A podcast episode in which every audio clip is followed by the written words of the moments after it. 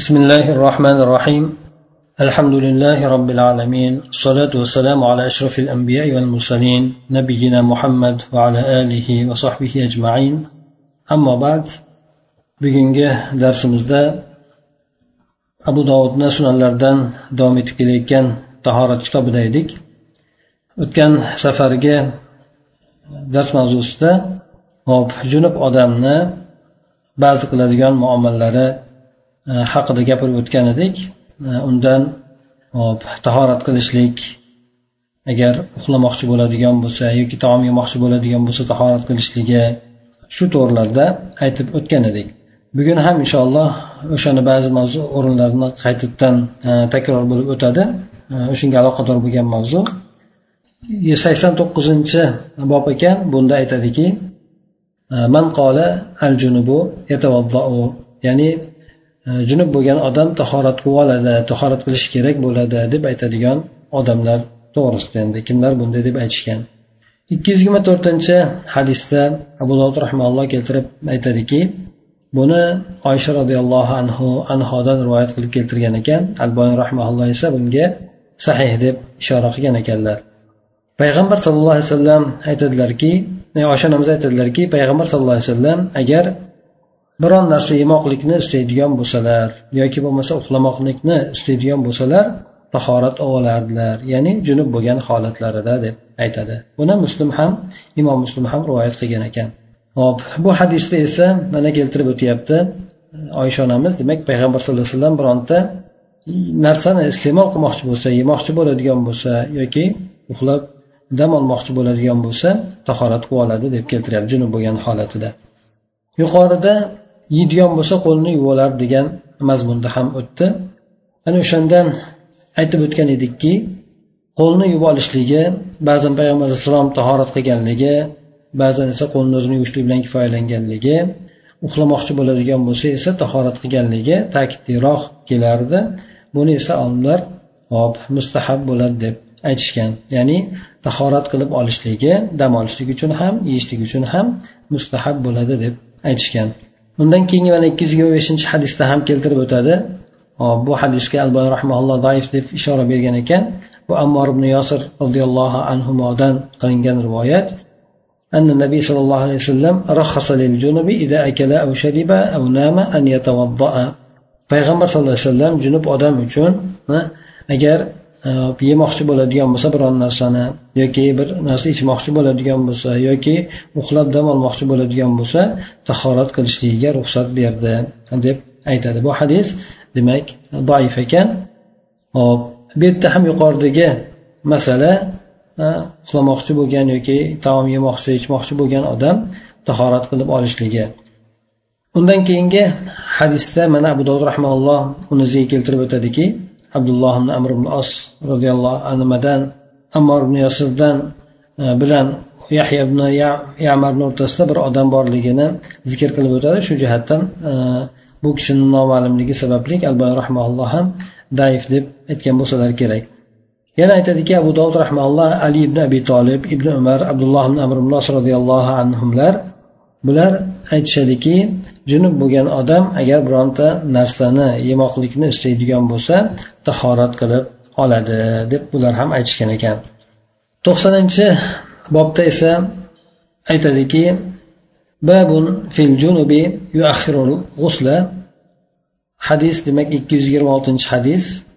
Buni abu dovud rahmaulloh uzayf ibn horis rahmaullohdan keltiradi. Bu kishi aytadilarki men oysha roziyallohu anhoga aytdim.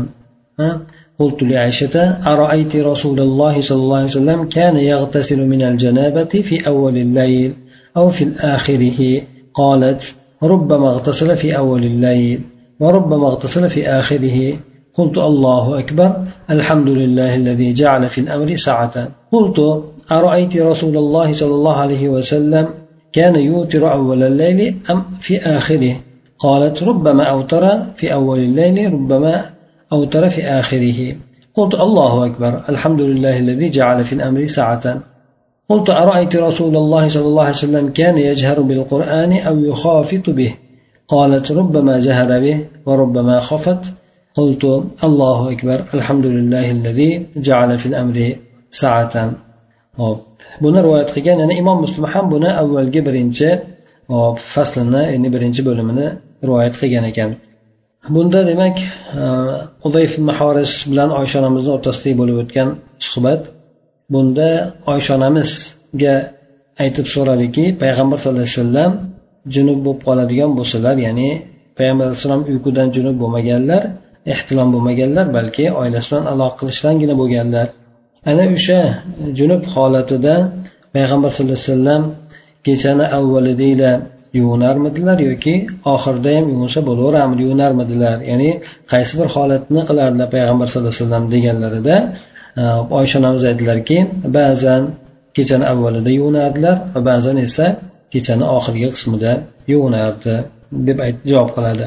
Shunda men aytdimki deydi allohu akbar. Allohu akbar bu arablarni taajjublanganda aytadigan so'zi aytadiki allohga hamd bo'lsinki bunday bo'lgan ishlarda kenglikni qilib bergan. Ya'ni bir siqinti qilib bir joyga taqab qo'ymaganligiga allohga hamd bo'lsinki bunda mana kengchilik bor ekan. Kechani avvalida va kechani oxirida ham yuvinishlik bemalol ekan. Demak kechani avvalida albatta yuvinishlikni shart qilib qo'ymagan ekan. Shunga allohga hamd bo'lsin kenglik qilib berganiga deb bu kishi aytadi.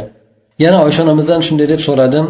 Rasululloh sollallohu alayhi vasallam kechani avvalgi qismida vitr qilarmidilar yoki oxirgi qismidami shuni xabarni berolmaysizmi deganlarda oysha onamiz aytadilarki ba'zan kechani avvalida vitr qilardilar ba'zan esa kechani oxirida vitr qilardilar. Ya'ni qiyomillayl ya'ni kechasini o'qiydigan tahajjudni oxirini demak kechani avvalda qilardi ba'zida kechani avvalda tahajjud o'qiyardilar ba'zan kechani oxirida o'qiyardilar dedi. Yana u kishi aytdiki allohu akbar allohga buyukdir deb taajjublanib aytdi. Allohga hamd bo'lsinki bunday ishda ham kenglikni qilib berganiga.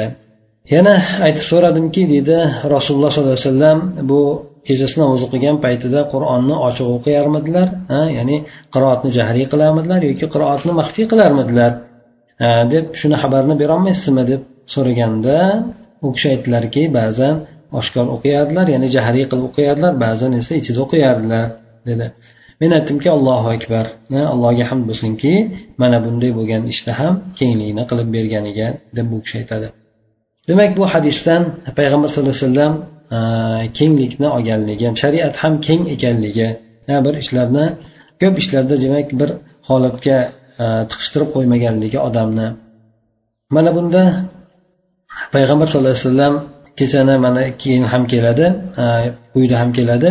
Ya'ni kechani avvalda yuvinishlik bilan oxirida yuvinishlik ya'ni kechani avvalda aloqadan keyin yuvinganligi yoki kechani oxirida uni tarqalib dam olgandan keyin yuvganligi bu narsa tushuniladi. Oysha onamiz esa uni ham buni ham qilardilar deb aytadi. Shuningdek payg'ambar alayhissalomni e, kechasida o'qiydigan namozi avvalida o'qishligi ham bo'lgan kechani oxirgi qismida o'qishilgan. Ya'ni oysha onamiz payg'ambar alayhissalomni har holatlarida o'qigan e, kecha namozlarini rivoyat qilganlar ham kechani avvalda o'qiganlarni ham o'rta qismida o'qiganini ham oxirgi qismida o'qiganini ham.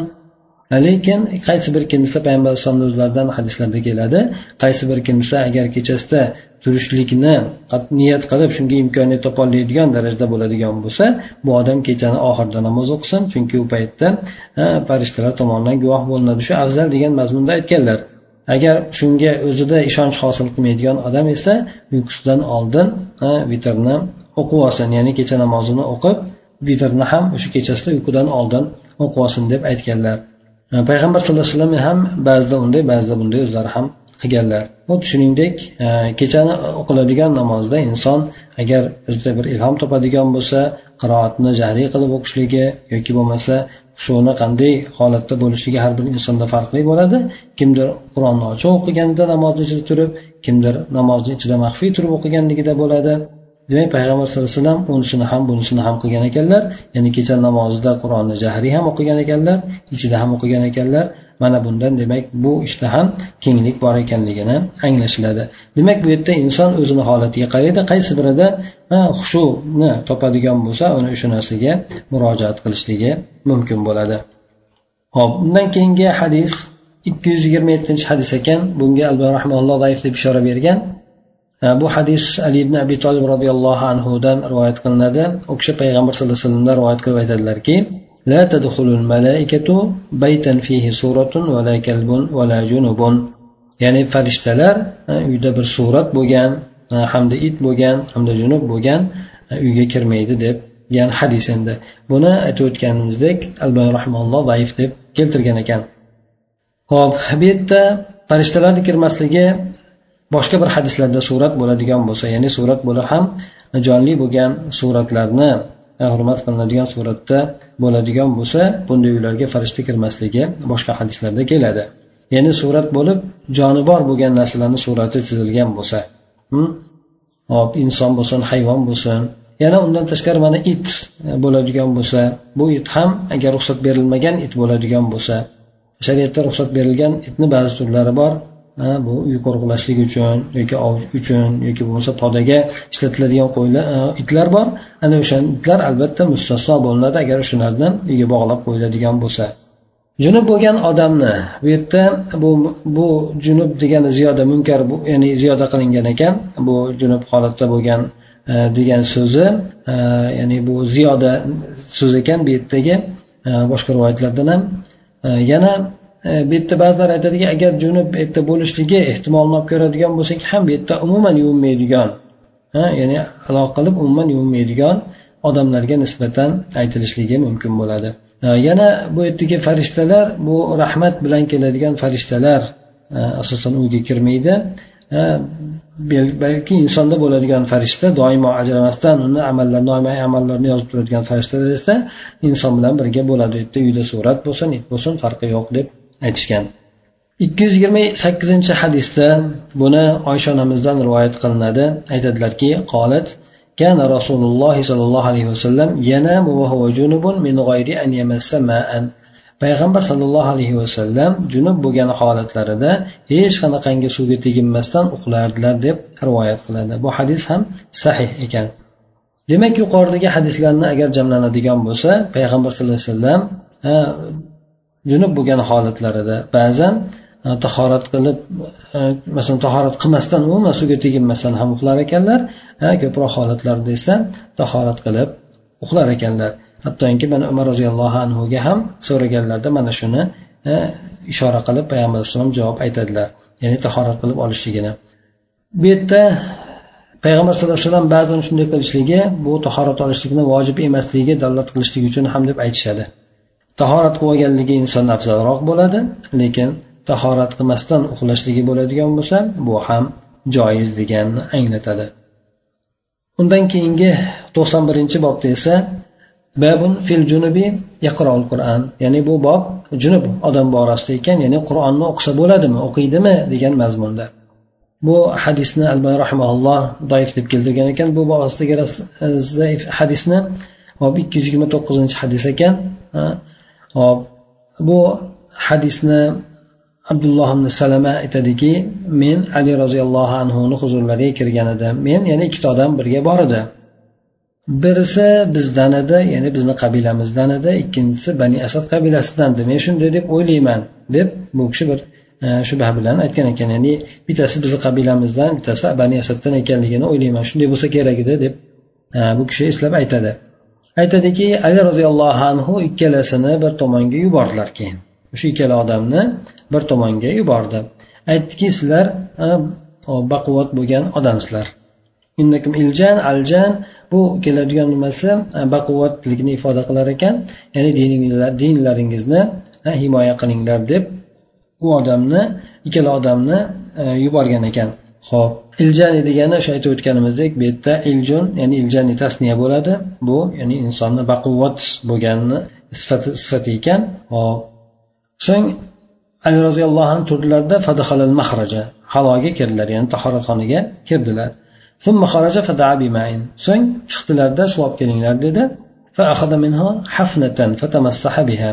Undan bir hovuch oldida keyin o'sha bilan bir artindi. Hm? Ya'ni bu yerda artinganligida ba'zi rivoyatlarda ba'zi a'zosini yuvdi deb keladi bundan o'sha qo'lni yuvganligi ko'proq tushuniladi deyishadi. Ya'ni to'liq tahorat olmadi. Ba'zi a'zosini artib oldi xolos o'sha suv bilan bir suvni qo'liga bir siypab yuvib oldi. Keyin e, qur'onni o'qiy boshladi. Shunday bo'lgan holatda qur'on ya'ni tahorat qilmasdan qur'on o'qiy boshladi. Buni o'qishiga inkor qilishdi. E shunday qilsa ham bo'ladimi deb. u kishi aytdilarki inna rasululloh sollallohu alayhi vasallam kana yakhruju minal khala'i فيقرئنا القرآن ويأكل معنا اللحم ولم يكن يحجبه أو قال يحجزه عن القرآن شيء ليس الجنابة albatta rasululloh sollallohu alayhi vasallam tahoratdan chiqardilar hamda bizga qur'onni ta'lim berardilar va biz bilan birgalikda go'shtni ham yerdi ovqatni yerdilar ya'ni go'sht yerdilar bu narsa payg'ambar sallallohu alayhi vasallamni ya'ni junub holatda bo'lish ya'ni tahoratsiz bo'lishligi payg'ambar sallallohu alayhi vasallamni qur'on o'qishlikdan to'sib qolmasdi. Ya'ni biron narsa payg'ambar alayhisalomni qur'on o'qishlikdan to'sib qolmasdi. Laysal janaba ya'ni illa janaba degan ma'nosida e, g'oyral janabati yoki bo'lmasa junublikdan boshqa biron narsa payg'ambar alayhisalomni qur'on o'qishlikdan to'sib qolmasdi deb keltiradi. Bu hadisda bir necha narsaga ishora qilinyapti. Birinchidan hop tahoratga kirib chiqib tahoratsiz holatda qur'on o'qishlikni joizligi ya'ni tahorat qilmasdan qur'onni ushlamasdan o'qishligini joizligi bu yerda. Hop keyin ikkinchisi esa tahorat ya'ni go'sht yeb turib ham og'zini chayqamasdan shunday bo'lgan holatda tahorat qilmasdan namoz o'qishlikni joizligi bu yerda. Yana payg'ambar alayhissalomni demak junublikdan boshqa narsa qur'onni o'qishlikdan to'solmasdi man qilmasdi deb keladi. Ya'ni junub o'qish junub holatda qur'on o'qishlikni mumkin emasligi to'g'risidadir qur'onni tahorat qilmasdan o'qishlik bu joizdir ya'ni zahru g'oyibdan ya'ni yoddan o'qishligi ta'lim beradimi o'qiydimi bu narsa bo'laveradi. Lekin aytib o'tganimdek junub holatda bu narsa istisno qilinadi junub holatda inson qur'on ta'lim bermaydi ham o'qimaydi ham. Ba'zi olimlar shu bir oyatgacha bo'lgan nimani o'qishligi mumkin emas deb aytgan bir ikkita qur'on so'zlarini agar birovga aytib beradigan bo'lsa joiz bo'laveradi. Lekin qur'onni to'liq oyatini bir oyatini to'liq o'qimaydi deb aytib o'tishadi. Bu albatta ko'pchilik bo'lgan jumhur olimlarni fikri. Ba'zi olimlar ibn musayyib yana boshqa ba'zilar aytgan qur'on o'qisa bo'laveradi degan lekin jumhur albatta ko'pchilikni tashkil qiladi bular qur'on o'qishlikni mumkin emasligini aytishadi. Endi tahorati yo'q bo'lib turgan holatda qur'onni ushlashlik masalasi qur'onni ushlashlik masalasi e, ko'pchilik olimlar qur'onni tahoratli bo'lgan holatda ushlash kerak deb aytishadi. Ba'zi olimlar esa qur'onni tahoratli bo'lgan holatda ushlashligi mustahab bo'ladi lekin bu narsa shart emas deb ham aytishadi. E, bu yuqoridagi o'sha payg'ambar alayhisalomdan ba'zi oyatlar hadislarda kelgan hamda oyatda kelgan degan oyatda demak bundan murod ya'ni farishtalar deb tavil qilishadi ya'ni qur'onni faqat farishtalar ushlaydi degan nimada. Payg'ambar alayhisalomdan kelgan ba'zi hadislarni ham bu boradagi ba'zilarni zaif deb aytishadi. Ana o'shandan qur'onni tahorat bilan ushlashligi bu afzal tahoratsiz ushlaydigan bo'lsa agar shunga ehtiyoj sezadigan bo'lsa o'qisa bo'laveradi deb aytishadi. tahorat bo'lishligi albatta qur'on o'qishlikni odoblaridan afzal bo'lgan amal hisoblanadi agar tahorat bilan bo'ladigan bo'lsa yanada ham undan keyingi hadisda to'qson ikkinchi hadisda babun fil junubi yusafihu junub odam borasida bu qo'l berib ko'rishaveradi bu ikki yuz o'ttizinchi hadis ekan abu dovud rahmaulloh bu hadisni huzayfa roziyallohu anhudan rivoyat qilinadi u kishi aytadilarki anna nabiy sallallohu alayhi vasallam laqiyahu fa ahva ilayhi فقال إني جنب فقال إن المسلم ليس بنجس payg'ambar sallallohu alayhi vasallam u kishiga ya'ni huzayfat ibn yamon roziyallohu anhuga yo'liqib qolibdida qo'llarini keyin cho'zibdi ahvo ilayhi ya'ni qo'lni cho'zganligiga aytilar ekan. Yani ko'rishmoqchi bo'lib qo'llarini cho'zganda u kishi aytgan ekanlarki men junubman ya'ni yuvinishim kerak edi deb aytganlarida payg'ambar alayhisalom aytgan ekanlarki albatta musulmon odam najas bo'lmaydi degan gapni aytgan ekanlar. Ya'ni junub bo'lgan holatda ham inson najis emas u bemalol ko'rishligi mumkin deb. Mana bundan demak abu dovud rahmaulloh buni junub bo'lgan odam ko'rishligi joiz ekanligiga dalolat qilib bu hadisni keltirgan ekan. Undan keyingi hadisda ham shunday e, shunga yaqin ma'no keladi. Bu hadisni abu roziyallohu anhudan rivoyat qilgan ekan. Aytadiki laqiyani rasululloh sallallohu alayhi vasallam fi tariqin min turuqil madinati va ana junubun fahtanastu فذهبت فاغتسلت ثم جئت فقال أين كنت يا أبا هريرة؟ قال قلت إني كنت جنبا فكرهت أن أجالسك على غير طهارة. قال سبحان الله إن المسلم لا ينجس. قال في حديث بشر؟ قال حدثنا حميد قال حدثني بكر. hop abu roziyallohu anhu aytadilarki rasululloh sollallohu alayhi vasallam menga madinani ko'chalaridan bir ko'chada ya'ni yo'llardan bir yo'lda yo'l qilib qoldilar ro'paramdan chiqib qoldilar. Men junub edim. Keyin o'zimni chetga oldim. Na sal kechikdim yoki o'zimni yashirdim yashirindim bordimda yuvinib keldim. Yuvindim so'ng qaytib keldim. Menga payg'ambar alayhisalom aytdilarki abu hurara qayerda bo'lgan edingiz dedi. Ya'ni qayerga ketib qoluvdingiz? deb so'raganlarida men aytdimki men junub bo'lgan edim. Siz bilan birgalikda betahorat shunaqa pok bo'lmagan holatda birga o'tirishlikni yoqtirmadi. Shundan borib o'nib keldim deb aytganlar. Payg'ambar sallallohu alayhi vasallam aytganlarki subhanalloh bu ham inson taajjubga tushganda aytadigan e, so'zi ishlatadigan so'zi arablarni. Albatta musulmon odam e, najas bo'lmaydi. Garchi junub bo'lib qolgan taqdirida ham uni junubligi badaniga ta'sir qilmaydi. Hop deb aytgan ekanlar. Bu yerdan ham demak junub bo'lgan holatida inson o'tirib gaplashishligi bemalol gaplashishligi mumkin ekanligiga dalolat qiladi. Demak musulmon odam e, pok bo'ladi boshqa hadislarda ham keladi. Musulmon odam musulmon odamni pok ekanligi ya'ni mo'min odam e, tiriklikda ham o'liklikda ham pok hisoblanadi. E, uni badani pok hisoblanadi. Bu ho yosh bola bo'lsin ho kattasi bo'lsin ya'ni asl yosh bolalardagi asl holat ham kiyimi ham o'zi ham pokligi hattoki ulardagi najosat aniqlangunigacha. Shuning uchun ularni badani ham pok bo'ladi. Hattoki insonlar boshqa insonlarni ham musulmon bo'lmagan insonlarni ham badallari agar najosatdan xoli bo'ladigan bo'lsa aslida pok hisoblanadi. Hop e, shundan mana ba'zilar ahli kitoblarga uylanadi. Demak ularni terlari boshqa narsalar albatta bu narsa insonga teginmasdan iloji yo'q. Bular ham hech qanaqangi najas hisoblanmaydi pok hisoblanadi. Hop to'qson uchinchi bobda keltiradiki babun fil junubi yadxulu al masjida endi to'qson uchinchi bobda junub bo'lgan odam masjidga kiraveradimi degan bob ekan. Bunda ikki yuz o'ttiz ikkinchi hadis alboniy rahmaulloh buni zaif deb ishora qilgan ekanlar. Bu hadisni Э, jasra binti dujona degan alijona degan ayol kishi aytadilarki samiatu oysha roziyallohu anha taqul jaa rasululloh sollallohu alayhi vasallam ووجوه بيوت أصحابه شارعة في المسجد. فقال وجهوا هذه البيوت عن المسجد. ثم دخل النبي صلى الله عليه وسلم ولم يصنع القوم شيئا. رجاء أن تنزل فيهم رخصة. فخرج إليهم بعد. فقال وجهوا هذه البيوت عن المسجد فإني لا أحل المسجد لحائض ولا جنوب. oysha roziyallohu anhoni shunday deyayotganligini eshitdim deb aytadi payg'ambar sallallohu alayhi vasallam bir kuni keldilar sahobalarini uylari uylarni eshiklari masjidni ichiga qaratilgan edi. Ya'ni masjidni ichidan edi eshiklari. Ba'zi sahobalarni uylariga kiradigan joy masjidni orqali kirilardi ekan. Bular yaqin bo'lishligi uchun masjidga demak darcha ochganda o'sha yerdan qatnashaveradigan holat ham bo'lgan ekan. Shunda payg'ambar sallallohu alayhi vasallam aytdilarki bu uylarni masjiddan boshqa joyga qaratinglar dedi. Yuzini bosh masjiddan boshqa tomonga buringlar dedi. Ya'ni masjid tomonni bekitib narigi tomondan ochinglar dedi. So'ng payg'ambar alayhissalom shunday dedilar kirib ketdilar. Qavm esa biron narsani qilmadi. Ya'ni hech narsa qilmadi bu borada. Ya'ni ular o'sha borada bir ruxsat bo'lib qolishligini umidida hech narsa qilishmadi. Ehtimol payg'ambar alayhisalom aytdi ya'ni bu narsada bizga alloh tomonidan bir ruxsat bo'lib qolar.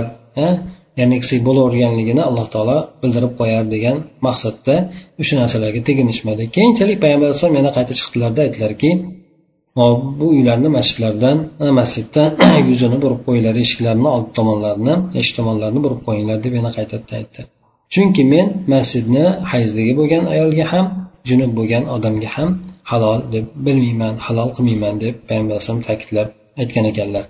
Ya'ni bunda murod u yerdan kirdi chiqdi bo'lgan odamlarda ayollar masalan ko'chaga chiqadigan bo'lsa hayzda bo'lishligi yoki junub bo'lishligi bunda masjidni oralab o'tishligi masjid yoki najosat tushib qolishligi mana shu narsalarni oldini olganligidan bu kishi ishni buringlar deb ham aytganlar deb aytishadi.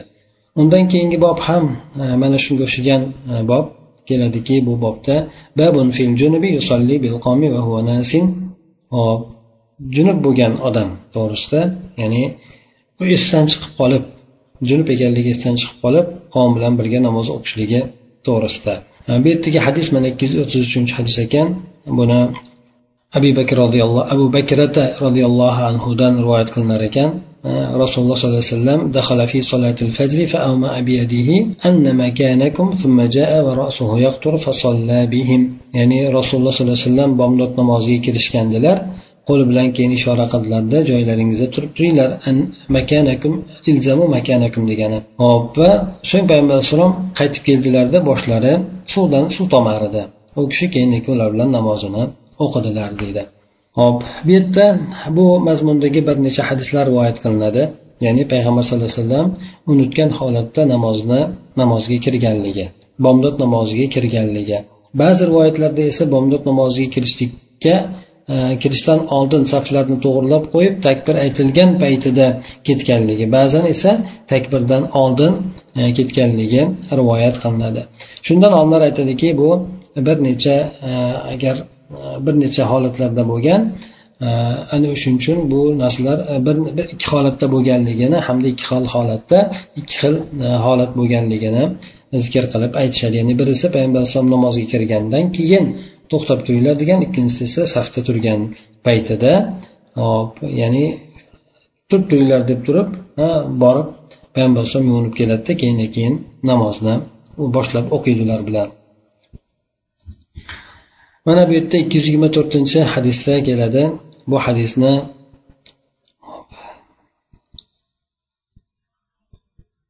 حدثنا عثمان بن أبي شيبة قال حدثنا يزيد بن هارون قال أخبرنا حماد بن سلمة بإسناده ومعناه وقال في أوله فكبر وقال في آخره فلما قضى الصلاة قال إنما أنا بشر وإني كنت جنبا demak yuqoridagi bo'lgan hadisni keltirib o'tadiki hop ya'ni o'sha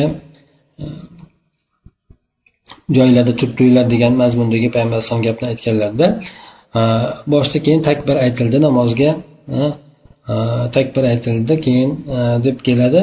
Keyin payg'ambar alayhissalom namozni tugatgach oxirida aytib qo'ydiki men ham sizlarga o'xshagan odamman junub bo'lgan edim e, esdan chiqib qolibdi degan mazmunda payg'ambar alayhisalom shunday deb aytadi. Ya'ni takbir aytib qo'yadida keyin keyin borib kelib payg'ambar alayhissalom yuvinib keladi keyin keyin namozni o'qiydi bu yerda. E, shundan aytishadiki agar e, ya'ni takbir bizni takbir sovib qolmasin degan e, gap ham bor odamlarda. Yo'q shu takbir aytiladigan bo'lsa o'sha juda uzoq muddat o'tib ketmaydigan bo'lsa o'sha takbirni o'zi kifoya qiladi. Aytib qo'yganligi bir muddat o'tgan taqdirida ham e, ya'ni takbir aytdi payg'ambar alayhisalom yuvinib keldi keyin keyin bular namozni o'qidilar. Bu yerda demak takbirdan keyin e, bir muddat tushib turganligi rivoyat qilinyapti endi. undan keyingi mana hadisda keltirib aytadiki qola abu davud ravohu zuhriy an abi salama عبد ابن عبد الرحمن عن ابي هريره قال فلما قام في مصلاه وانتظرنا ان يكبر وانصرف ثم قال كما انتم يعني boshqa boshqa bir rivoyat endi bunisi payg'ambar alayhisalom shu namozgohida turgandilar biz takbir aytishligini kutib turgan edik payg'ambar alayhisalom keyin E, ketdilarda shunga aytdilar kama antum sizlarga o'xshagan man degandek. Ya'ni sizlarga o'xshab men ham odamman ya'ni junub esimdan chiqib qolibdi junub ekan degan mazmundagi gapni payg'ambar alayhissalom aytganlar. Yana bir rivoyatda keltirib o'tadi. An ijlisu payg'ambar alayhissalomdan rivoyat qilinadi takbir aytdi ya'ni namozga takbir aytilganda payg'ambar alayhissalom qavmga ishora qilibdi o'tiringlar deb o'tirib turinglar deb payg'ambar alayhisalom ketdilar borib yuvinib keldilar deydi. yana undan keyingisida كذلك رواه مالك عن إسماعيل بن أبي حكيم عن طار بن يسار قال hop bu mursal hadis inna rasululloh rasululloh sollallohu alayhi vasallam kabbara fi solati solatin namozga takbir aytdi allohu akbar deb aytdi deb keladi bu hadisda abu dovud aytadiki hop yana boshqa حدثناه مسلم بن إبراهيم قال حدثنا أبان أن يحيى أن ربيع بن محمد النبي صلى الله عليه وسلم أنه كبر يعني بأن بأسام تكبر الله أكبر deb namozga kirganligini ham rivoyat qilinadi mana ikki yuz o'ttiz beshinchi hadisda esa abu dovud rahmaulloh keltirib o'tadiki imom zuhriydan bu kishi esa abu salamadan ana u kishi abu huraradan keltirib o'tadi أبو هريرة aytadilarki أقيمت الصلاة وصف الناس صفوفهم فخرج رسول الله صلى الله عليه وسلم حتى إذا قام في مقامه ذكر أنه لم يغتسل فقال للناس مكانكم ثم رجع إلى بيته فخرج علينا ينتف رأسه وقد اغتسل ونحن صفوف. وهذا هذا لفظ ابن حرب. قال عياش في حديثه فلم نزل قياما ننتظره حتى خرج علينا وقد اغتسل. muttafaq buxoriy muslim ham rivoyat qilgan ekan hop abu roziyallohu anhudan rivoyat qilinadiki namozga takbir aytildi. Odamlar saflarini turishdi saflarga turishdi hop rasululloh sollallohu alayhi vasallam o'rni shu namozdagi turgan o'rniga turgan paytlarida ya'ni imomat qiladigan joyga turgan paytlarida eslab qoldilarki yuvinmagan ekan. G'usul qilmaganligini eslab qoldilar. Keyin odamlarga aytdi joylaringizni lozim tutinglar yana qimirlamay turing turib turinglar dedi. So'ng uyga qaytdilarda bizga keyin boshidan suv tomgan holatda chiqdilar. Ya'ni u kishi yuvingan edi. Biz saf saf bo'lib safda turgan edik dedi. Yana boshqa bir e, rivoyatda keladiki biz o'sha tikka turib davom etdik kutib hattoki payg'ambar alayhissalom yuvingan holatda chiqdilar deydi demak mana shu hadislar hammasi yuqorida aytib o'tganimizdek demak e, imom agar unutib qo'yadigan bo'lsa tahorati yo'q ekanligini yoki bo'lmasa mana g'usul qilmaganligini demak g'usul qilib kelishligi yoki bo'lmasa tahorati yo'qligi eslab qoladigan bo'lsa turib turinglar deb turib tahorat qilib e, kelishligi e, bu narsalar mana payg'ambar alayhissalom tomonidan sodir bo'lgan e, mana bu hadisimizda demak bu narsa imom uchun joiz ekan. Yaqinda ham shunga o'xshagan bir holat madinada bo'ldi. Imom ya'ni huzayfiy bu kishi o'sha namozga takbir aytilib alloh ham qoqilganda allohu alam. U kishi keyin namozni boshlab turib turib turib turinglar deb bir muddat yo'qolib yana qaytib keladilarda alloh alam tahorat qilib kelgan bo'lsalar kerak keyin o'sha yerdan davom ettirib ketaveradi. Bu demak payg'ambar alayhissalom ham holatida shunday qilganligi mana bu hadislarimizda ko'rinib turibdi. Ya'ni bu yerda inson bular namozni o'zida turib turibdi namozni ichidan demak tashqariga chiqib turib e, kelib yuvinib shuni davom ettirib ketganligi ham rivoyat qilingan hamda odamlarni namozga takbir aytilgandan keyin kutib turinglar bo'lmasa deb turib ketib takbirdan keyin bir muddatdan keyin qaytib kelib namozni boshlab davom ettirganligi ham rivoyat qilinadi. Endi bir masala borki imom tahorati yo'q bo'lgan holatda yoki bo'lmasa g'usul qilganligini eslamagan holatda g'usul qilganman deb o'ylab odamlar bilan namoz o'qidi. Keyin o'qib bo'lgandan keyin esiga tushdi yoki tugatib bo'lib bir muddatdan keyin esiga tushdiki tahoratsiz o'qigan ekan. Ha imom bo'lsin yoki boshqasi bo'lsin. Nima qiladi endi unda? Hammani namozini qaytaradimi? Yoki bo'lmasa o'zi o'qib oladi xolosmi olimlarni demak bu yerda ikki xil gaplari bor ekan. Ba'zilari bir toifa olimlar demak o'zi o'qib oladi xolos. Qolganlarga bu narsani majbur qilmaydi o'qib olinglar demaydi. Ba'zilar o'zi ham o'qib oladi boshqalarni ham o'qishligini aytadi deb aytishadi. Lekin e, bu yerda ba'zi rivoyatlar kelishligi birinchi toifalardagilarni gapini quvvatlaydi. Ya'ni odam namozni o'qigan bo'lsa mana umar ibn hattob roziyallohu anhudan ham rivoyat qilinganligi e, ya'ni namozni o'qigan o'qib bo'lgandan keyin tahoratsiz ya'ni g'usulsiz o'qiganligi esiga tushib qoladi. Keyin keyin bu kishi o'sha kiyimidagi narsani ko'rgandan keyin g'usul qilish kerakligi esiga tushib qoladida o'shani yuvib g'usul qiladi. Keyin o'zlari uchun o'qib oladi. Qolganlarni esa namoz o'qishligini namoz o'qish namozni qayta o'qishlikka buyurmaydi.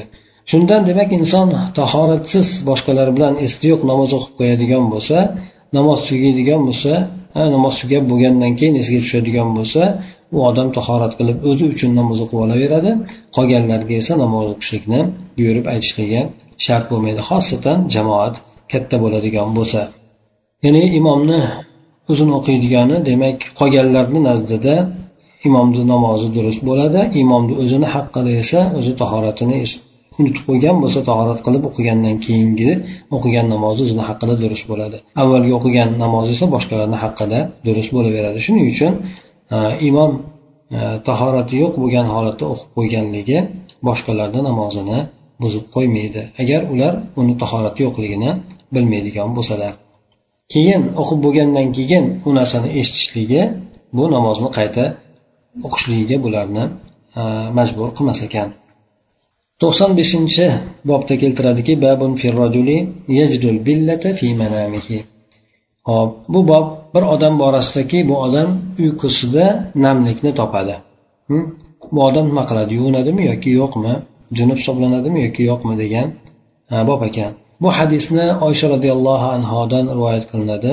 Aytadilarki nabiy sollallohu alayhi vasallam بلل ولا يذكر احتلاما قال يغتسل وعن الرجل يرى أن قد احتلم ولا يجد البلل قال لا غسل عليه فقالت أم سليم المرأة ترى ذلك عليها غسل قال نعم إنما النساء شقائق الرجال payg'ambar sallallohu alayhi vasallam bir odam haqida so'ralib qoldilar. Ya'ni bu odam namlikni topadiyu kiyimida lekin ehtilom bo'lib qolganligini eslolmaydi. Tushida ehtilom bo'lib qolganligini eslolmaydi lekin kiyimi o'sha ichki kiyimida namlik bo'ladi. Shunda yuvinadimi deb so'raganlarida payg'ambar alayhissalom yuvinadi bu odam deganlar. Yuvinishi kerak deb aytganlar. Bir odam haqida so'raldiki keyin bu odam ehtilom bo'ldi tushida ehtilom bo'ldiyu lekin namlikni topmadi. O'sha suv chiqmani suv chiqmadi endi bu odamdan lekin tushida ehtilom bo'ldi. Ha bu tashqarisiga suv bo'lib chiqmadi endi. Bu odamga g'usul qilishlik yo'q dedi. Ya'ni g'usul qilishlik lozim emas bu odamga dedi. Shunda ummu sulaym roziyallohu anhu aytdilarki ayol kishi shuni ko'radigan bo'lsa unga ham yuvinish kerak bo'ladimi? Ayol kishi ham shunaqa bo'ladigan bo'lsa u ham yuvinish kerak bo'ladimi? Deganda payg'ambar alayhisalom ha ayollar ham erkaklarni ha bir nimalari bo'ladi dedi. Ya'ni tug'ishganlari bo'ladi dedi. Ya'ni erkaklarga erkaklarga o'xshagan hukmni oladi ayollar ham bu borada deb payg'ambar sallallohu alayhi vasallam aytdilar. Undan keyingi bob ham shu masalaga tegishli ekan. Babun fil mar'ati taro ma yara rajulu.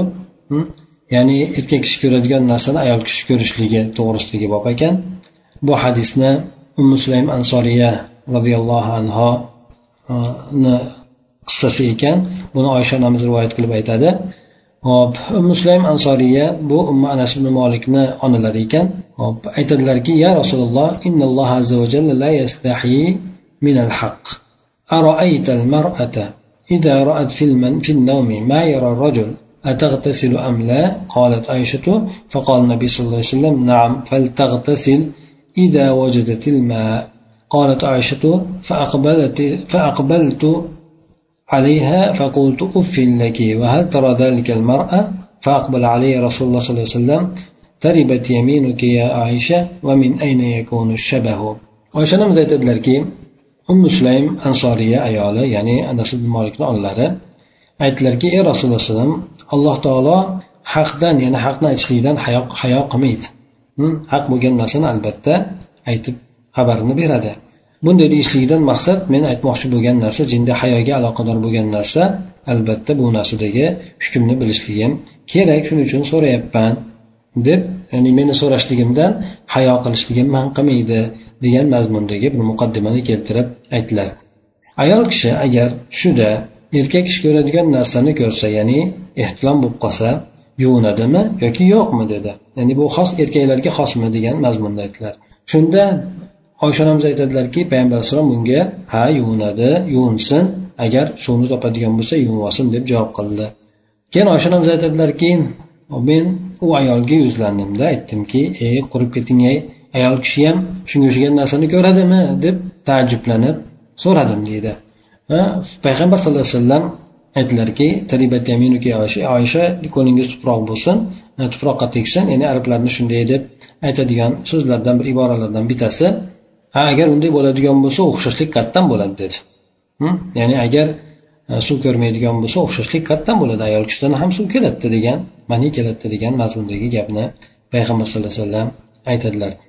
Demak e, bu hadisda yuqoridagi hadisimizda ham ehtilom bo'ladigan odam agar hm, hop suv topadigan bo'lsa hm, garchi ehtilom bo'lganligini eslolmaydigan bo'lsa bu odam yuvinishlik kerak bo'lar ekan. Jumhur olimlar aytishadiki agar inson haqiqatdan uni mani ekanligini inson biladigan bo'lsa unda hm, yuvinishligi vojib bo'ladi. Agar mani emas boshqa suv bo'ladigan bo'lsa bunda unga yuvinishlik shart bo'lmaydi. Lekin shubha qiladigan bo'lsa unda yuvinib olishligi kerak bo'ladi deydi.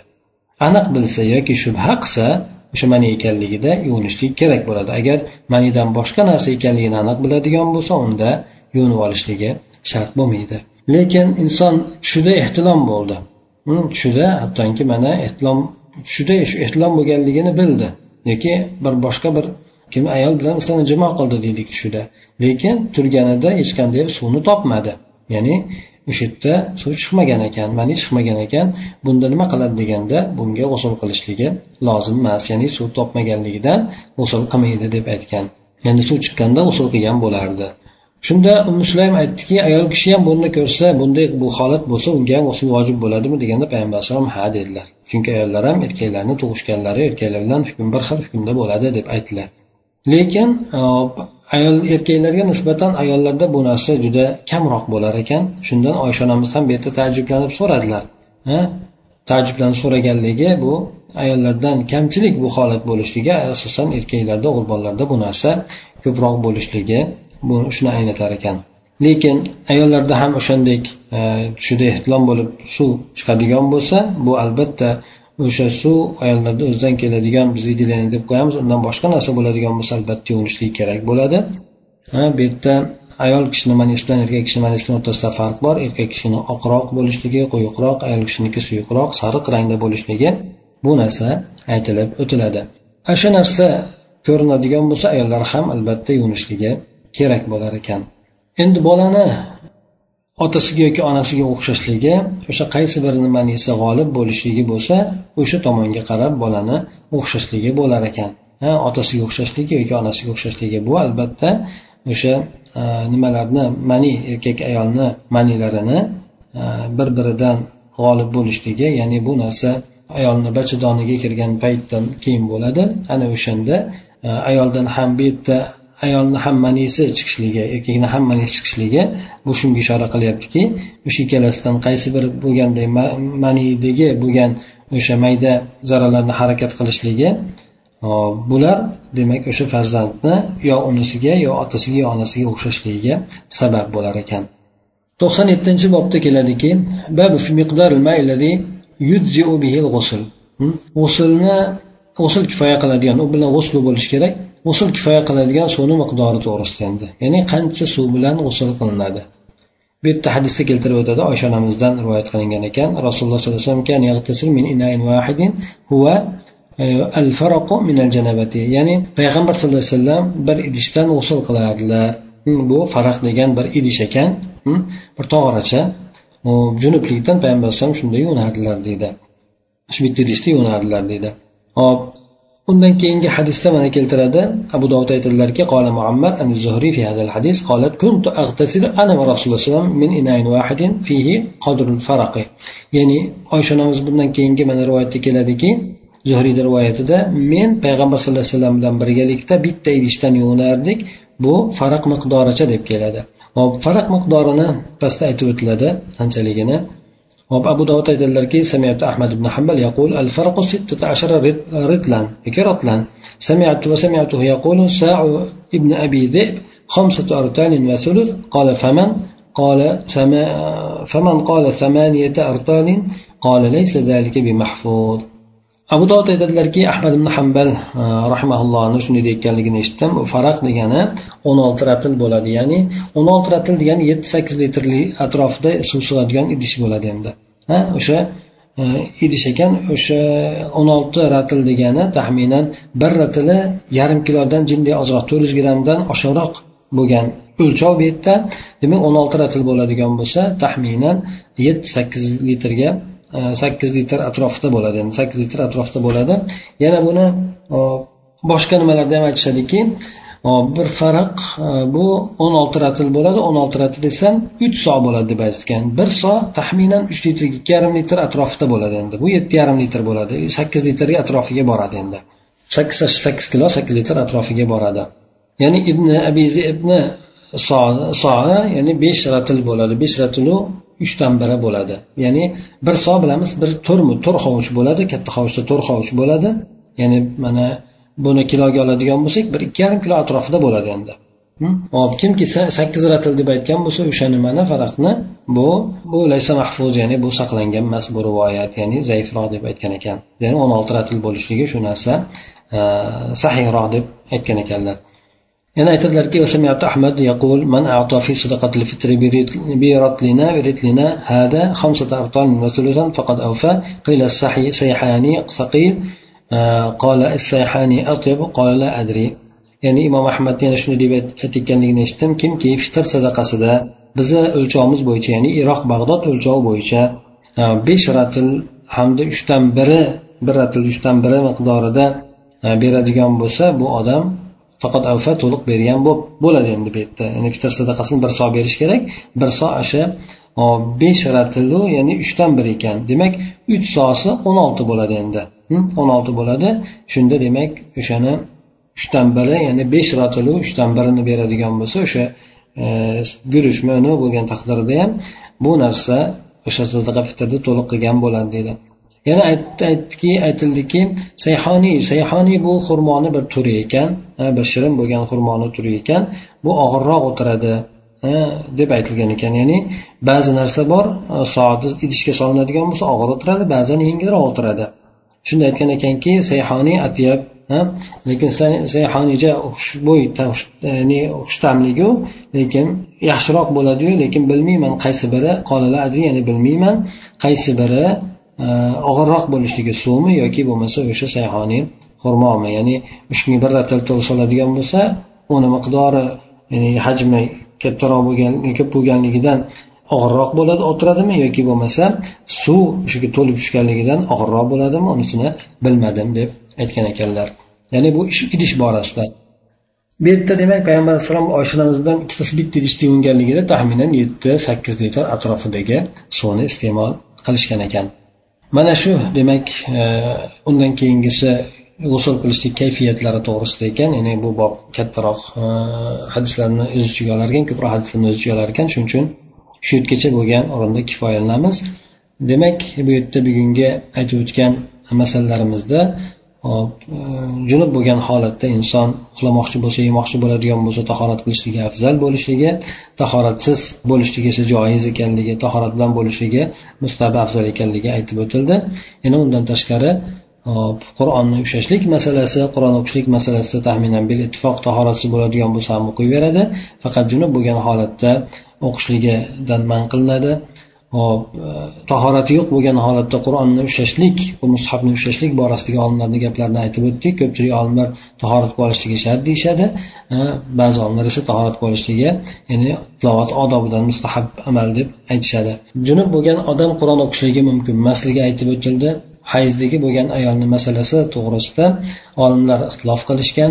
Ko'pchilik olimlar buni g'usul junub bo'lgan odamga qiyoslashgan ba'zilar aytadiki g'usul ya'ni junub bo'lgan kishi bilan bu e, hayzligi bo'lgan ayolni farqi bor. Chunki junub bo'lgan odam ixtiyori qaysi paytda yuvmasa bo'laveradi lekin hayz ko'rgan ayol ba'zan uch to'rt kun ba'zan bir hafta o'n kun undan ham uzoqgacha cho'zilishligi mumkin. Agar o'qimaydigan bo'lsa unutib qo'yadi. Ya'ni ayol kishi undan tashqari bu kunlarda ko'p narsalarga ehtiyoji bo'ladi. Qur'ondan e, yodlashligi qur'ondan imtihon topshirishligi o'quvchi bo'ladigan bo'lsa shunga o'xshagan ko'p narsalarga ehtiyoj bo'ladi.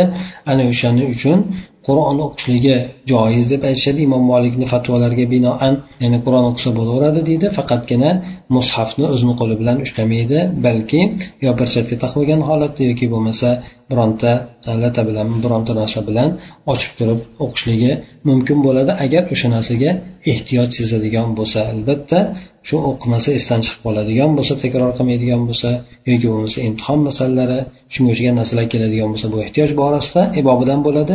Shuning uchun shunday holatlarda ayol kishi hayzda bo'lgan holatda ham qur'onni o'qishligi mumkin bo'ladi. Agar bunday ehtiyojlar bo'lmaydigan bo'lsa o'qimagani ma'qul bo'ladi faqat eshitishni o'zi bilan kifoyalanishligi shu yaxshiroq bo'ladi deb aytishadi سبحانك اللهم وبحمدك نشهد أن لا إله إلا أنت نستغفرك ونتوب إليك اللهم انفعنا بما علمتنا وعلمنا ما ينفعنا وزدنا علما